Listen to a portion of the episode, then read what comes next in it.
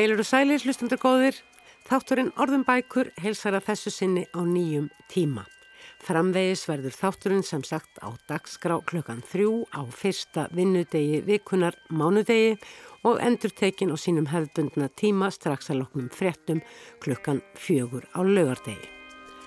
Bókmyndavelun Norðurlandaráðs árið 2020 hafa nú verið gerð heyrinkunnugt og hreftu finnar þau bæði að þessu sinni og það sem meira er, báðar velunabækurnar eru skrifaðar á sænsku.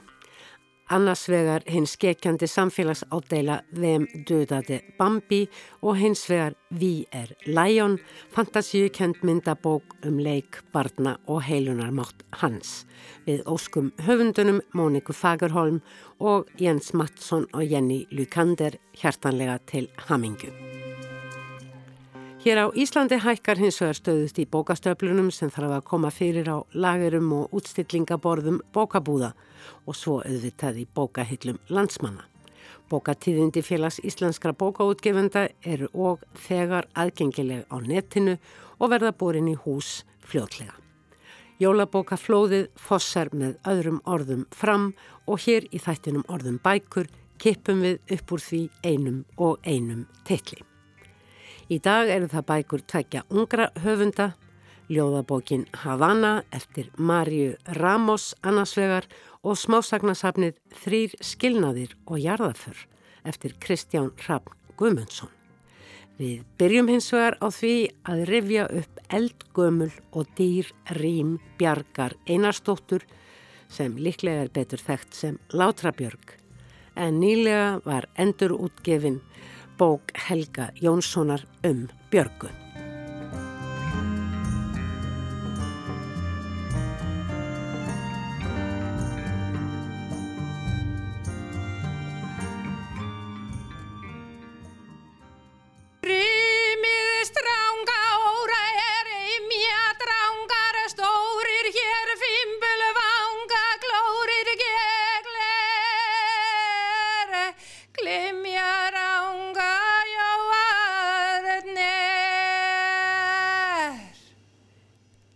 Hér heyrðum við Ragnheiði Ólafsdóttur hveða eina af vísum látrabjargar um vind, sjó og veður við látrabjarg. En nýlega var saga látrabjargar sem Helgi Jónsson skráði og kom út 1949 endur útgefin. Þessu var fagnad í síðustu viku og nautið þess heiðus að fá að vera viðstött eini gesturinn og mátti hljóðrita dagskrána þar sem Ragnæður Ólafsdóttir og Kristín Lárusdóttir kváðu allmargar vísur látrabjargar, aðalsteinn Eithórsson fór með galdur og kvartett úr kamerhóknum Reykjavík Barrokk flutti largóþátt úr strengja kvartett Magdalenu Lombardini Símen sem var samtímakona Bjargar fætt í Feneum. Kinnir var reittstjóru útgáfunar Herman Stefánsson sem líka skaut að fróðleiksmólum um Björgu nýju bókina og upprunalegan höfundhennar. Hér á eftir fáinn brotur þessari dagskrá sem er aðgengilegi heild á Facebook.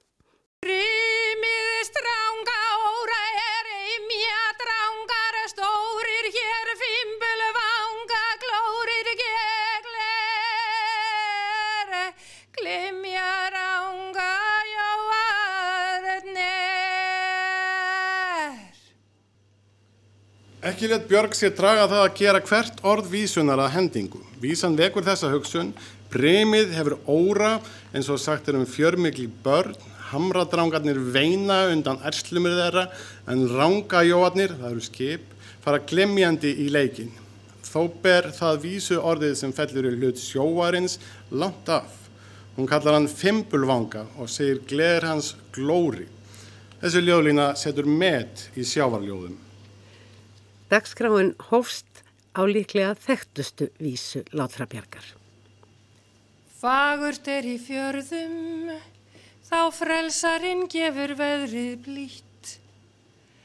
Heið grænt í görðum, grös og heilag fiski nýtt.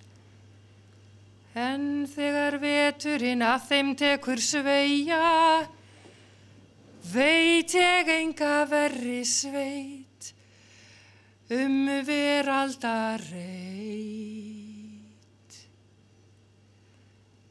menn og dýri þá deyja.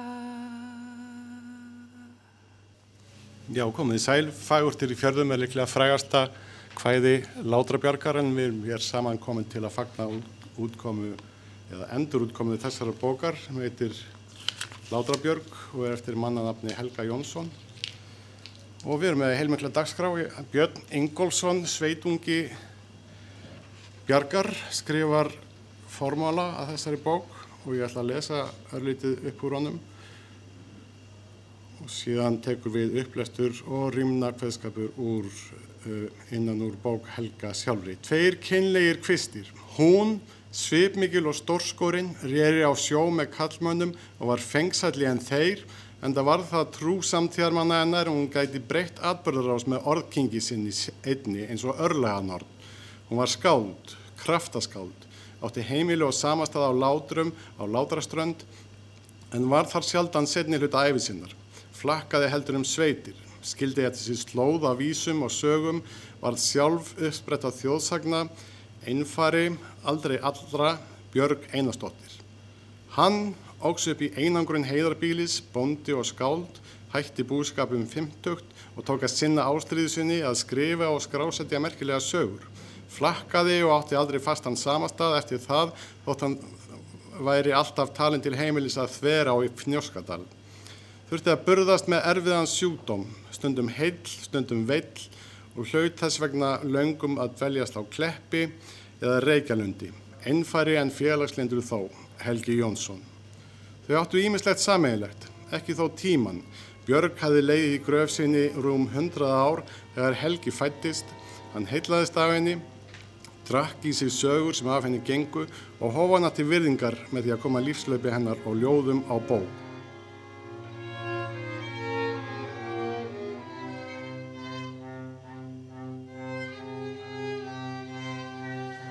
Það er stundum talað um Björgu sem alþýðuskáld. Ég veit ekki hversu það stennst. Hún er ansi mentuð, hún er af síslumönnum og prestum í alla rættir. Kann sitt hvað fyrir sér, í, já ansi mikið fyrir sér í, í brakfræði og sitt hvað í latínu, hefur lesið óvít.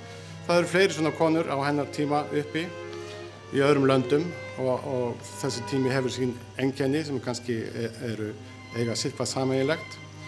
Þar meðal er, er tónskáld af nafni Maddalena Lombardini Sirmen sem var fyrirleikari tónskáld og samtíma kona Bjarkar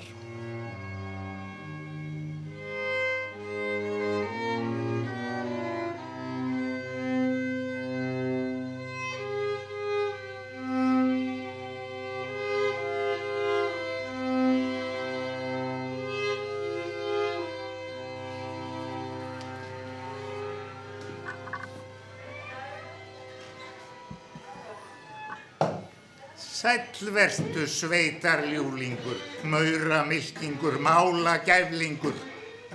Ég orsakast með einu orði að ávarpa þín velforstönduð heit í hjáverkum. Engum þar mér datt í drauma, þú dræpir ei forgefinstillingana. Maður forsjáll í byrtunni, fengisæll í húminu, en myndu nokkuð gámgjarn og síru sólgin sveið því sem ungu er nýtt. Hvers vegna fóstu út í það að endur útgefa bók Helga Jónssonar Herman Stefánsson? Já, einfallega vegna þess að hún hafi mjög lengi verið ófáanleg og, og, og eftirsótt af, af aðdátur Látarbergar og er í senn æfisaga hennar, heldar ljóðasapn og skýringar sem, sem kannski veitir ekki af í, af, í sömum vísvönum að því að já, orðin geta verið torskilin og myndirna tors, torskildar og, og að, það geta verið aðstæður stundum, þetta er svona hveðskapur sem er ekki kannski hægt að, stundum er tækifæris hveðskapur sem er ekki hægt að skilja á þess að tekja aðstæður. Þetta er, hún er náttúrulega eh, já, ekki rýmna manniska en, en hún er eh, við kannski lifum við, við þá sögu sín núna, við lifum einhvern veginn við sögu sín uh, atomskaldana sem, sem sjálfsmynd terra sem, sem sögulega staðrind hér var allt í volli og allt bara hérna, forpokað og, og bundið í rím og stöðla þá komum við og björg, björguðum allir og þetta er svolítið kent í skólum meðan, meðan veist, það er ekkert það, eftir því sem meiri fjarða tími líður frá þá, þá getur maður séð að, að ekki bara eru frábær, eigum við frábær skáld fórstíðinni, heldur lifir þessi hefð ennþá og og það er ekki það mikil eh, íþrótt að, að læra stöðla á höfustæfi, það get ekki hvaða skáld sem er um, lært það bara. Já, það sem er að auki í þessari bók er formáli eftir Björn Ingólfsson á Greinivík sem er sveitungi eh, Láðurbjörgar og hann segir þar líka að það setur, fram, setur saman í fyrsta segin svona eh, æfiferil, heilega mynd af æfiferli Helga Jónssonar sem var svolítið dölufullu náðangi eh, þeir þekkja nú betur Björn og Viðar Hreinsson sem ég hef séð af handritum sem eru mörg þúsund síður á söpnum eftir Helga Jónsson. Skáldsögur, leikrit, þættir ímislegt, það sem ég hef séð af æfaðans er hann afgreðir árið 1946 með orðanum dáganga í Reykjavík. Hann átti við andlegu veikindi að stríða og sem kannski skýrir akkur kom ekki meir út eftir hann. Og það sem er að auki í þessari bók er er viðauki með orðaskýringum þess að þar fyrst verða orðin flókin sem er þjófavarnargaldur sem fannst á látrum og, og síðari tíma fræðmenn eða nýlega bara uh, þykir líklegt að sé ekki eftir Þorlag Þóruensson eins og áður var, var álitið heldur eftir Látraburgu eða þetta er, þetta er mjög merkjaður texti. Sértu maður sjáðu mig. Sértu læs aðgáðu mig, sértu frómur, segðu mig, sértu þjófur, eigðu mig. Ég er fókin upp til háls, engum þó í hendi frjáls, utan lundi linna báls, sem lýsir mér án dilgjut háls.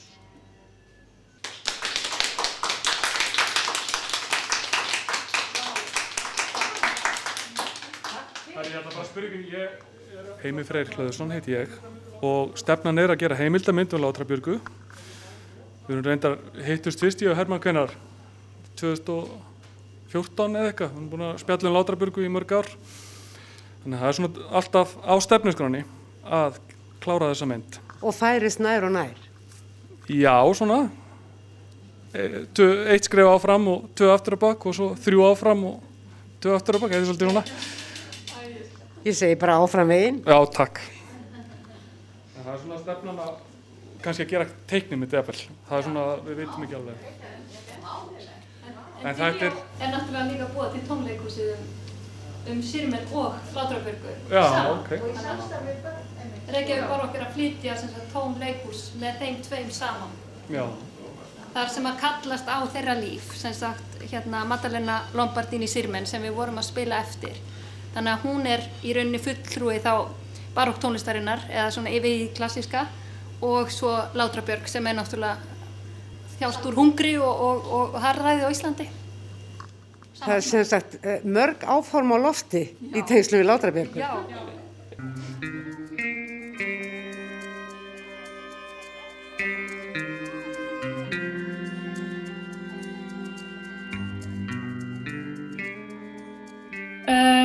Já, takk fyrir að koma í ráðrætt útgáðu og já, ég held ég að byrja bara að lesa.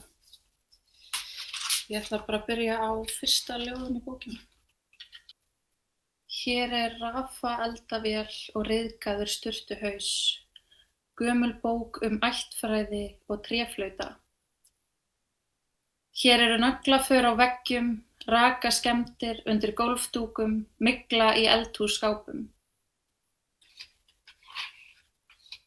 Hér kyngi ég og þegi. Hér breytist ekkert nema lífið fyrir utan. Draumar sem rætast þar sem draumar hafa dáið eru draumar sem enginn trúir. Fyrir utan gluggan hlaupa skrækjandi káttbörn sem hoppa upp og niður á trampolínum þegar veðrið er gott. Inni í veggjum búa kynslóðir lygara, gungna og steinsteyptra ofurmenna í bland. Tár dropa gólfið, hólurnar fullar af storknuðu hóri, leggjum skræbóttan línólegum dúk yfir allt saman. Setjum plöntu út í horn og hengjum gamla mynd upp á vegg. Þetta var Marja Ramos að flytja fyrsta ljóðið í nýri ljóðabóksinni Havana. Þessi upptaka var gerð í útgáfuhófi bókarinnar, rafrænu útgáfuhófi sem bókaútgáfan partu stóð fyrir á netinu fyrir hálfum mánuði. Nú er Marja Ramos hins vegar komin hingað með ljóðabók sína Havana. Heil og sæl, Marja, og til hamingu með áhugaverða bók sem inniheldur jú 39 númerð ljóð sem við ætlum að ræða hér á eftir. Mér langar til þess að byrja því að ræða aðeins um kápu bókarinnar sem er einstaklega falleg mm. og það er Bretlands armur partusar Luke Allen sem gerir þessa kápu og notað til þess yfir 100 ára gammalt málverk eftir John William Goddard sem ég, Godward fyrir geð, sem ég kannu ekki frekar í deili á en, en málverkið heitir The Little Pet og sínir unga konu með svolítið framaldlegt yfirbræð liggur þarna afslöpuð og slök í fleti með skála af kissuberjum sér við hlið og verðist vera lokka til sín skjaldböku. Uh, var þetta mynd sem að þú sannfærði strax um að gæti átt við bókina eða kom hún í öfl frá þér? Hún kom ekki frá mér en bara um leið og ég sá hana þá bara einhvern veginn smellpassa hún það var eiginlega ég hérna útiloka allar aðrar káputilegur þegar ég sá þessa sko mér fannst hún bara svo rúslega falleg mm. og hérna Það er hitt í henni og, og, og eitthvað órætt mm -hmm. og svona djúb saga þetta er líka náttúrulega gömul mynd mm -hmm. og ber þetta aldrei með sér Já, ég mitt Ég er nú ekki að segja að ljóðin þín séu gamaldags síður en svo en þegar ég svona var að byrja að lesa bókin og lengi framann af að þá hafði ég sterka tilfinningu fyrir að þetta væri eins konar saga. Já. Saga sem byrjar í kistöðu mm -hmm. en það er eitthvað að fara að gerast. Í þessu fyrsta ljóði koma líka fyrir börn að leik sem að er einhvern veginn svona framtíð og upphaf oft tákmynd. Er þetta með ljóðsögun ekki alveg úr lausulofti greipi hjá mér? Nei, mér fannst, hérna, vildi hafa svona þráði í henni allri. Eða það gerði samt líka eiginlega bara svona náttúrulega. Var frekar svona, ég sett þau saman og fattaði bara að það var svo mikil þráður í henni. Þannig að þá kannu maður vera að púsla þeim saman og einhvern veginn sjá sögu þráðin svona verða til hmm. fyrir augunum á mér. Þannig að þetta var einhvern veginn ekki fyrirfram ákveðið, þetta gerðist bara eiginlega óvart. En, hérna, og voru ljóðin svona þegar þau örðu til yfirleitt án titils? Um, það misjönd. var rosa misjámt sko þannig að hérna ég bara ákvaða að sleppa öllum titlum í staðan fyrir að hafa sömljóð þetta var eiginlega svolítið svona 50-50 þannig að Þú hefur áður gefið út ljóðabók lítið mm -hmm. hver salt fyrir hvað tveimur, tveimur árum og þar voru ljóðin titluð, mm -hmm. ekki satt Jú. ég held bara einlega flest mm -hmm. við heyrðum þarna eða strax að loknu þessu fyrsta ljóði, ég held að sé í ljóði nummið tvö að þá er farið að tala um drauma sem rætast en líka drauma sem hafa dáið, mm -hmm. drauma sem enginn trúir á þetta er alltaf skemmtilega mótsaknaðkend hending mm -hmm. svo kemur þarna ljóð þar sem að já það er bara beinlýnis í ljóðu tvö Hér eru hilluvonir og þrár í lestum skápum ofan í kellara undir drastli, margra ára gömlu drastli. Orðið hilluvonir kemur aftur fyrir í þessu ljóði. Já. Ég hafði ekki séð þetta orð áður. Nei, þetta er, um, það er kannski kalla svolítið á við orðið skúfuskáld. Þetta er svona vonir og þrár sem þú þorir ekki að taka fram kannski, geymur er bara í hillum. En fallegt. Hilluvon. Já, já. þetta upphaf bókarinnar vekur eins og ég sagði hjá mér tilfinningum það að eitthvað skonar upphaf um að koma sér fyrir. Mm -hmm. en þarna koma líka strax ferðalög mm -hmm. í þessari bók Havana.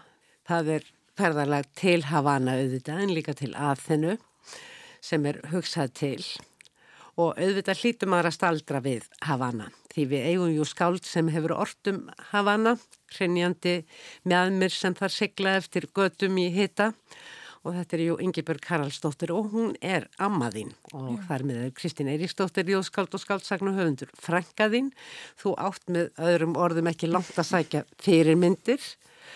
Segðu mér aðeins frá tengslunum við þessi sannarlega stóru skáld. Útilokaru þær þegar þú ert að yrkja eða eru þær þér einhvers konar handleðsla?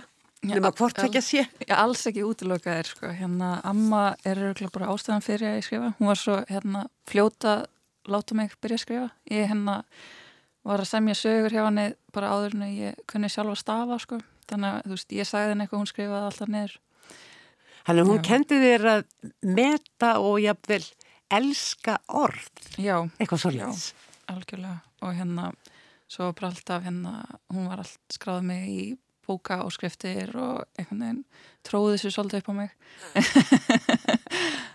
Ég held að þetta sé bara allt hennar takka þess vegna líka fannst mér titillin passa vel við bókina. Það er svolítið svona mars já, einmitt og þú myndist nú á það í hinnur afræna útgáfi bóði að uh, þótt Argunur Árnardóttir hafi verið reittstjórðin hjá Pertusis en svo bóka útgáfa leggur ég mikla áherslu á vandaða reittstjórn mm -hmm. þá minnustu á Stínu Frængu Já, við fórum til hérna Gríklands uh, árið 2018 hm. bara beint eftir að salka mút og hérna við vorum í mánuð og mörgljóðin urðu til þar á, sérstaklega á eiginni Hýdru sem er hann að fyrir utan, er stutt frá aðinu og þar voru engi bílar, bara asnar og bara ekkert að gerast sem var svolítið svona innblástur fyrir mörgljóðin svona kyrðinn og bara ekkert færist úr það og já. Þetta er uh, eh, alltaf merkilegt vegna þess að uh, það er alls ekki þannig að ljóðin séu einhvers konar ferðaljóð eða ljóð um Greikland eða aðþennu. Hins vegar þótt að hafi talað um, um sögu þá komst ég að því eftir því sem að áleið lesturinn að, að þau fóru að hefja sig eiginlega út úr þessari sögu ljóðin mm -hmm. og mörg þeirra eru mjög tilvistarleg og jáfnveil hásbyggileg. Ég hafði mert hérna við ljóð 25 uh, Þurka rík af bókum, loftið stendur í stað. Án tímans er ekkert til en tímin er ekki til. Bækurnar býða ekki, þær gulna, dopna og gulna, lykta eins og heima, molna í sundur, þyrlast upp eins og aska. Og ég leik eftir í leifunum bý til snjóengil. Þetta er allt svolítið forgengilegt í þessu ljóði. Hvernig koma þessi ljóð til þín? Þau eru yfirleitt mjög óhlutbundin mm -hmm. abstrakt. Mm -hmm. Það er einhver djúb hugsun sem þú verðist vera að reyna að fanga.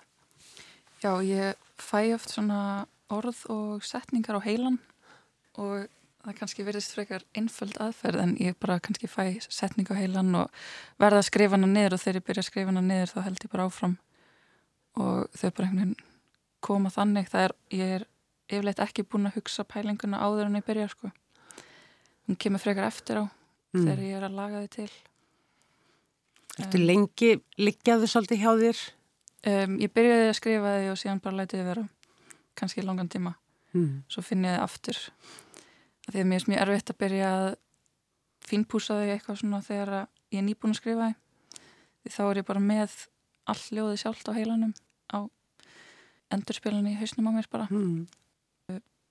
Þú ert mjög ung, 22 ára og uh, var student hvað fyrir þremur árum og hafður jú byrst í skólarbleiði mennskólan sem að líð bæði mm. ljóð og smásögu, vannst mm. velun með að segja í samkeppni og nú ertu búin að gefa út nú þegar tvær ljóðabækur. Vinnur þau mikið í því að skrifa? Skrifar þau á hverjum degi? Skrifar þau heima hjá þér eða á kaffihúsum eða það er kannski lítið um kaffihús akkurat núna?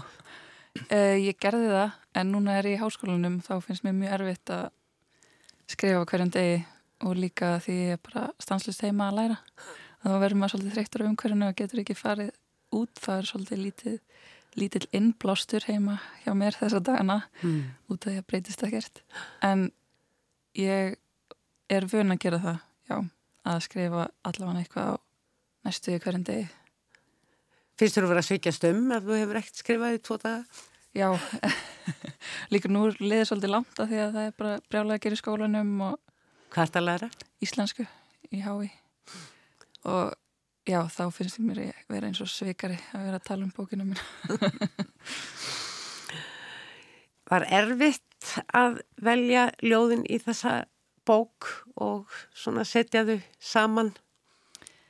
Höfuverkur? það var kom svolítið bara náttúrulega að því að það var svo mikil þráður í henni þannig að mér fannst bara ef að ljóðin pössuð ekki inn í hennan þráð þá var mjög auðvelt að flega þeim en Heldur að þau er afturkvæmt í aðra bók? Þau ljóð? Já, ég held það sko þau, ég er ekki búin að henda þeim þau er einhvers þar en þau bara áttu ekki heima í þessari mm.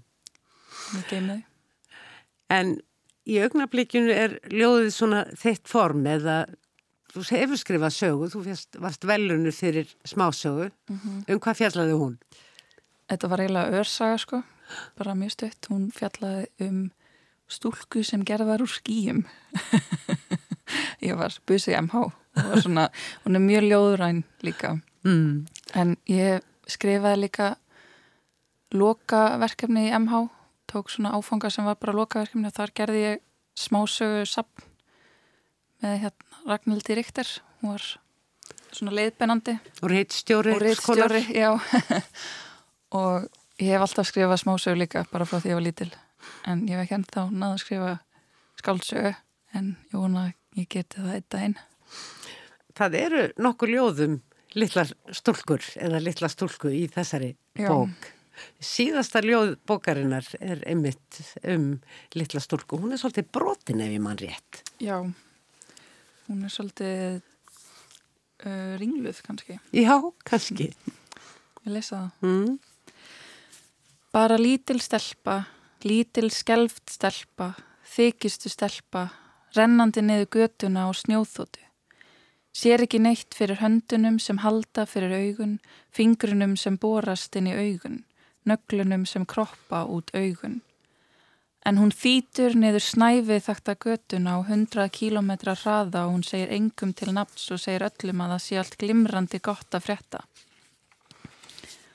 Og hún rennur niður götuna, bara lítil stelpa, lítil stelpa að þykjast. Snjórin bráðnar ofan í ræsin en hún stendur ekki upp þótt hún sé stopp. Hún stendur ekki upp þótt hún sé stopp. Hver er þessi stelpa? Er þetta tímaskeið sem ert þarna yrkjum eða, eða ástand? Já, þetta er kannski svona lítill partur af mér sem að, eins og við erum að tala um hana þegar ég er ekki búin að skrifa í langan tíma þá liðið mér svolítið svona kannski, kannski ekki alveg að búra út um mér augun en hérna mér liðir eins og að sé eitthvað, vant eitthvað. Vant eitthvað. Og ég held að það sé svona pælingin á baku þessa stelpu það vantar eitthvað en hún segir engum hvað hann vantar. Mm. það er alltaf erfitt fyrir hann að viðkjanna að sé eitthvað að eða, já. En hún er djörf. Já, út á við. já, já og líka í rauninni inn á við í þeim skilningi að hún hefur gefið okkur ljóðabók. Havana og mér finnst eins og þetta ljóð í lokbókar síðast ákveðins augrun mm -hmm. til stelpunar og lofur til okkar mm -hmm. um að það er verði fleiri. Já, samanlega. Uh, mér langar talandum dirsku og við töluðum áðan um ömmuðina Ingi-Björgu Haralds. Er ekki ljóðnum í nýtján um hana? Jú, það er um hana. og þú talar um í ljóðinu um dirsku hennar mér sýnist þú ekki vera síður djörf. en maður hlýtur alltaf að líta upp til ömmu sinnar. Já, það er svolítið óumflíjanlegt allavega, já. Ég sé ömmu í rauðum buksum, arka um útlensk stræti með höguna upp í loft. Hugsa um stúlku sem enn er ekki til. Hugsa um hana arka um útlensk stræti með höguna upp í loft. Hvað myndi hún segja ef hún sægi mig núna? Nelda við gólfið, handjárnaða við landsteinana. Ég erði kannski draumana en ekki dyrfskuna. Ég held að hún amaðin sé mjög ánæg með það sem hún sér til stúlkunar sem hún þarna í þessu ljósi vissi ekki hvert stemdi. Marja Ramos, hjartanlega til hamingu með þessa fallegu bók utan sem innan. Takk hjá fyrir það.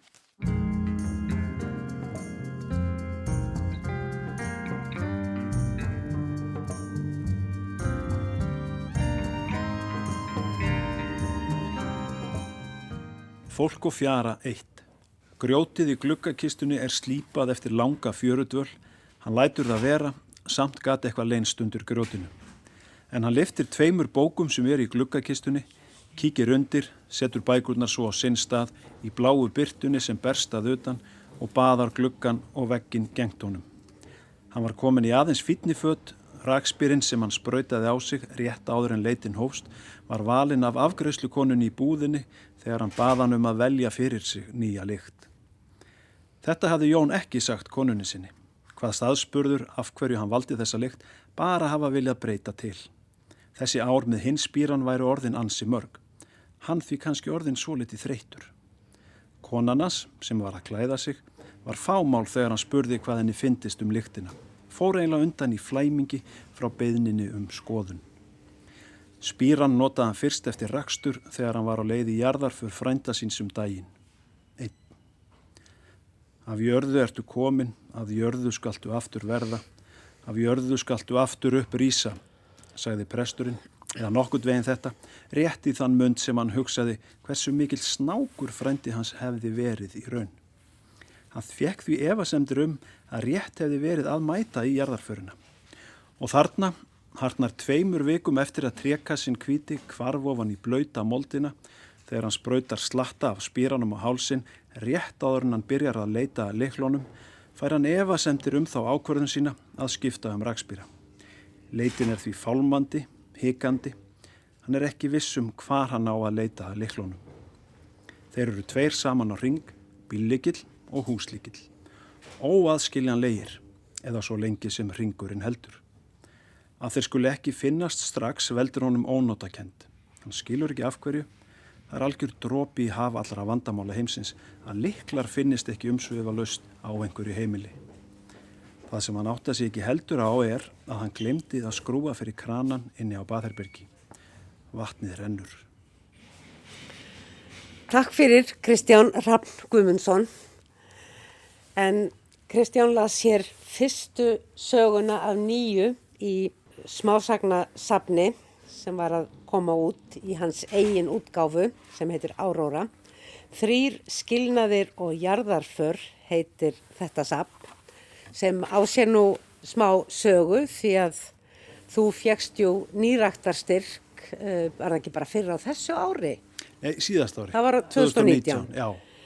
Fyrir handritið af þessari bók og uh, þú ert svo sem vanur að skrifa út mentaður í bókmentafræði og gerði síðan bladamadur og fjölskyldufaður og kennari í grunnskóla en uh, mér skilst að þú hafið svona verið eitthvað að potast við að skrifa einmitt smásögur bara í tíu ár jafnvel.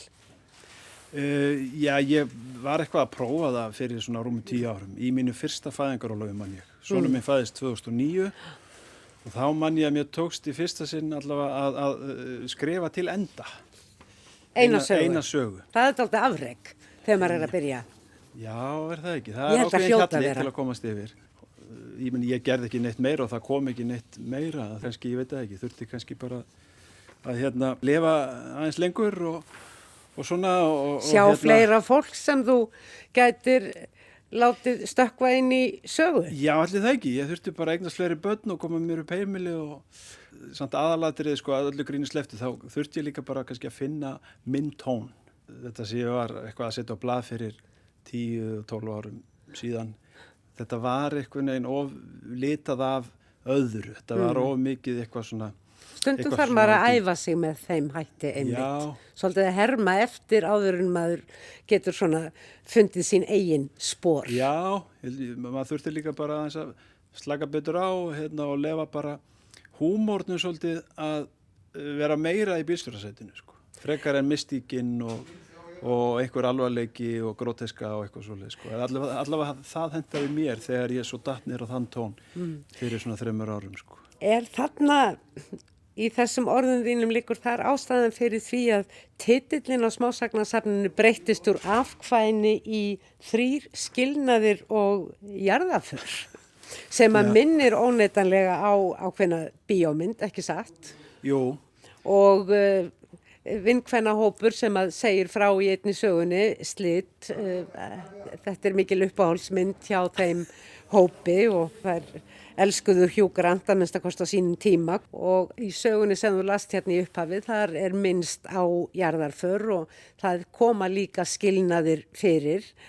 Svo minnir kannski má segja, kannski er það bara titillin sem að kallar slík hugrenningatengsl fram bygging bókarinn að minni pínlítið á myndina. Þar er vinahópur reyndar, það sem að hver og einn svona á sína sögu en sögur þessa fólks tengjast náttúrulega einhverju leiti, sumu leiti og þessar nýju sögur í þinni bók, Já, þær eða- tengjast líka stundum.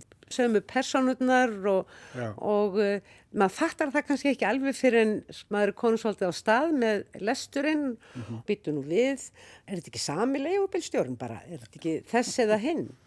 Þú gerir svolítið leik úr þessu. já. Var það eitthvað svona upphaflega hugmynd eða var það eitthvað sem kom síðar? Ég man ekki hvort þetta var ákveðið alveg í byrju, mér minnir ekki sko. Ég bara byrjaði að skrifa. Fyrsta sagan sem var til er þarna Svipurinn á Bill Já, sem er rauninni fyrsta heila sagan. Þetta sem ég var að lesa þarna, Fólk og fjara 1, það er, það er hægt að líta það sem staka sögu. en, en- hún er hluti af er Þrennu. Já, sem myndar svona nokkuð svona hryggjast í bókinni. Já. Fyrsta sagan, sagan í miðjunni og Já, lokasagan. að heita fólk og fjara 1 og svo fólk og fjara 2 og svo 3. Og þar lendi má, ímest líta á þetta sem bók sem inniheldur sjösögur eins og stendur aftan á bókinni eða nýju sögur eins og þú sagðir sko. En, en nei, það var ekki ákveðið í byrjun að hafa einhverjar miklar tengingar en eh, ég er hrifin af bókum eða smásagnarsöfnum það sem eru tengingar. En að bókinu minni, þá, þá hérna fóru að mynda smá tengingar bara því að búið með svona þrjársögur. Þá fór ég að sjá einhver tengingar og möguleika á fleiri tengingum að búa til eitthvað minnstur. Og eftir það fór ég úst, að hafa það í huga. Það er til dæmis að við höldum okkur við fólk og fjöru, þá sögu, að þá er það Jón sem að segja söguna í upphafi og reyndar í loka sögunni líka. En svo er það eiginkonans Kolla sem að segir söguna í miðjunni. Já. Það bara einhvern veginn gerðist sko. Það- Nei, mér minnir sko að, að miðursagan, nummið tvö, að það hafi byrjað bara sem svona stöksað. Þarna var eitthvað matarboð, vandrarlegt matarboð og hérna sem ég þurfti einhvern veginn að, að hérna skrifa, það einhvern veginn bankaði í hausnum. Mm. En það getur verið, Það sem samræðurnar flæða ekki, svo Já. við höldum okkur við flæðið. já, tala um einhverja sjónvarsþætti, hefur þið séð, já, hafið þið séð hennar sjónvarsþátt? Nei, ég hef ekki séð hann.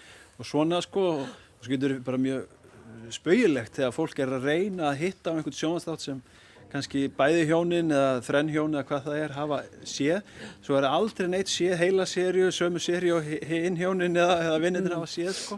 En, en svo bara því að ég var byrjaður svona, til dæmis að, að að skrifa svona fyrstu efniskrinarnar og fyrstu síðanir þeirri sögu, þá einhvern veginn kom allt í hennu fram þessi kona, heyrðu, ég er kona Jóns, þarna sem að er í Já. fyrstu sögunni, sko. Ég, ég þarf að segja mína hlið. Þetta eru sögur úr lífinu, ég ætlaði að segja hverstagslífinu en fannst það svo ekki viðeigandi, þetta eru lífsins sögur. Já, þetta er, uh, þetta er alveg bara úr Því að þær hafa, í hverju sögu er einhvers svona kjarni sem er mikill áhrifamáttur. Já. Og út frá því á stundum, kannski ekki alltaf, verður síðan, uh, það þarf ekki að vera merkilegu hlutur, Nei. þannig séð, en verður, uh, kemstu síðan að endanum. Endirinn á sögunum þínum, ég byrjaði því að skrifa hérna hjá mér, það er endastundum skrítilega, en uh, strókaði það svo út og sagði, endirinn kemur yfirlega mjög á óvart.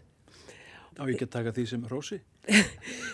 og ég held að uh, þú hafir lagt þið fram um að uh, endurinn væri á skjön. Er það rétt? Uh, hvernig? Ég hef Vissuru hvernig að enduðu þannig þegar endur. þú byrjaðir? Nei, ekki, ekki nærrið því alltaf, nei.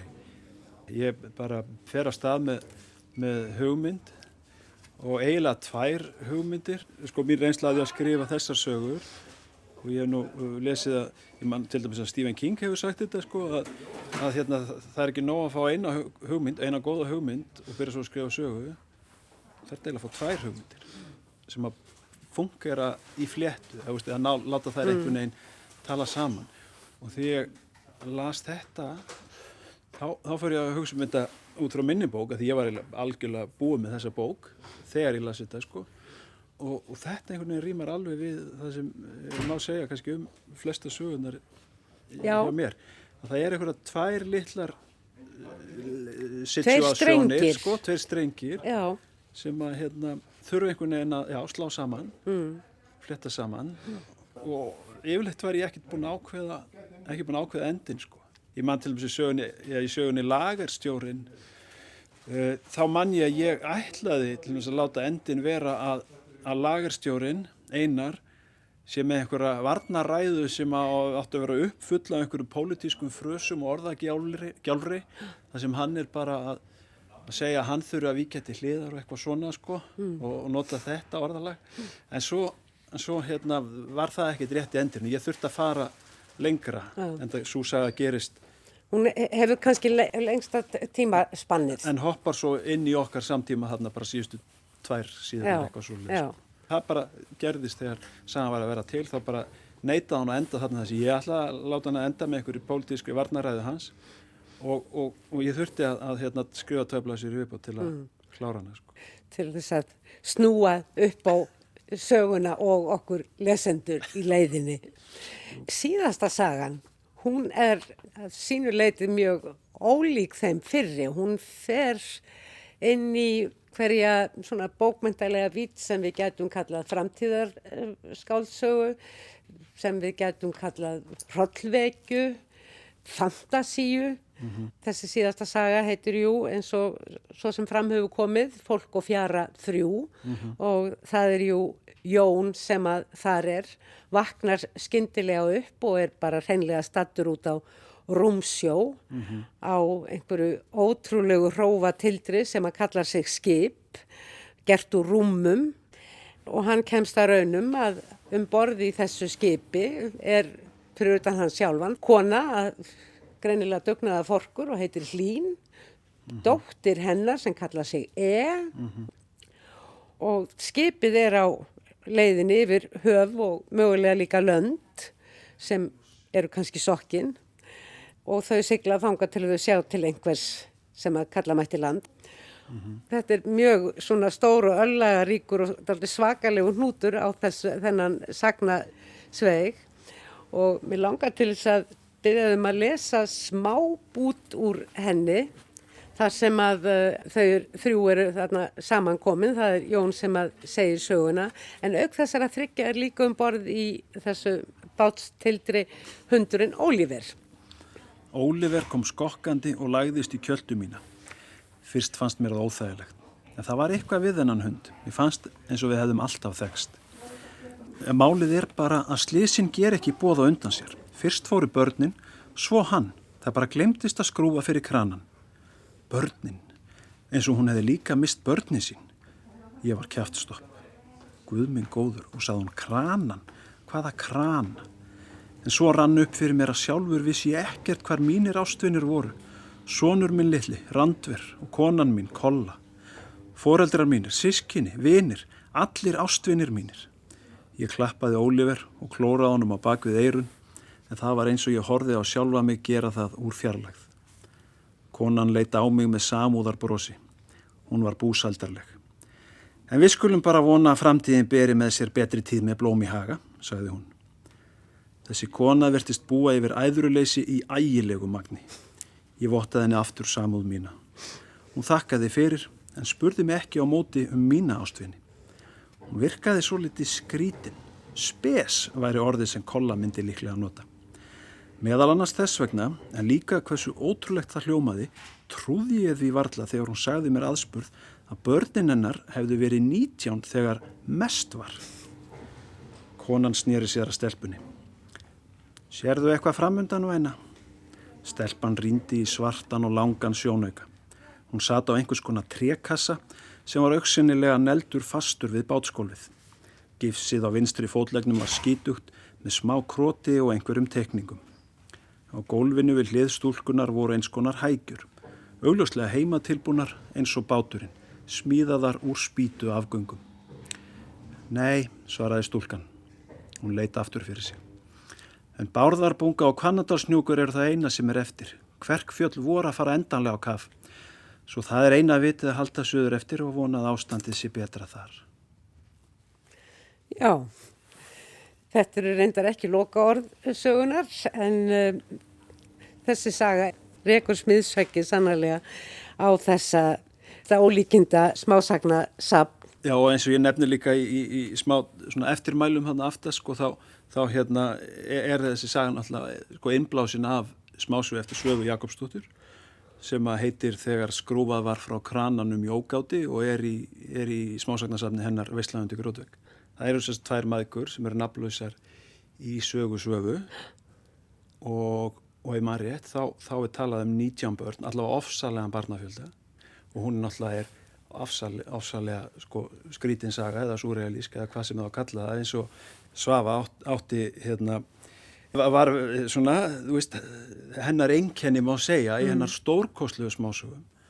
Og ég las þess að sögu í fyrsta sinn fyrir tveimur árum eða svo og, og hún, þetta er ekki saga sem ég hefði heyrt um áður, maður náttúrulega hefur oftast heyrt um saga handa börnum og, og hérna á Veislandi grótvegg og, mm. og gefið hvort öðru og svona en ég hafði aldrei lesið þess að sögu og mér fannst hún alveg dásamleg því það er svo mikill húmor en um leið einhver undirliggjandi, kræmandi harmur mm.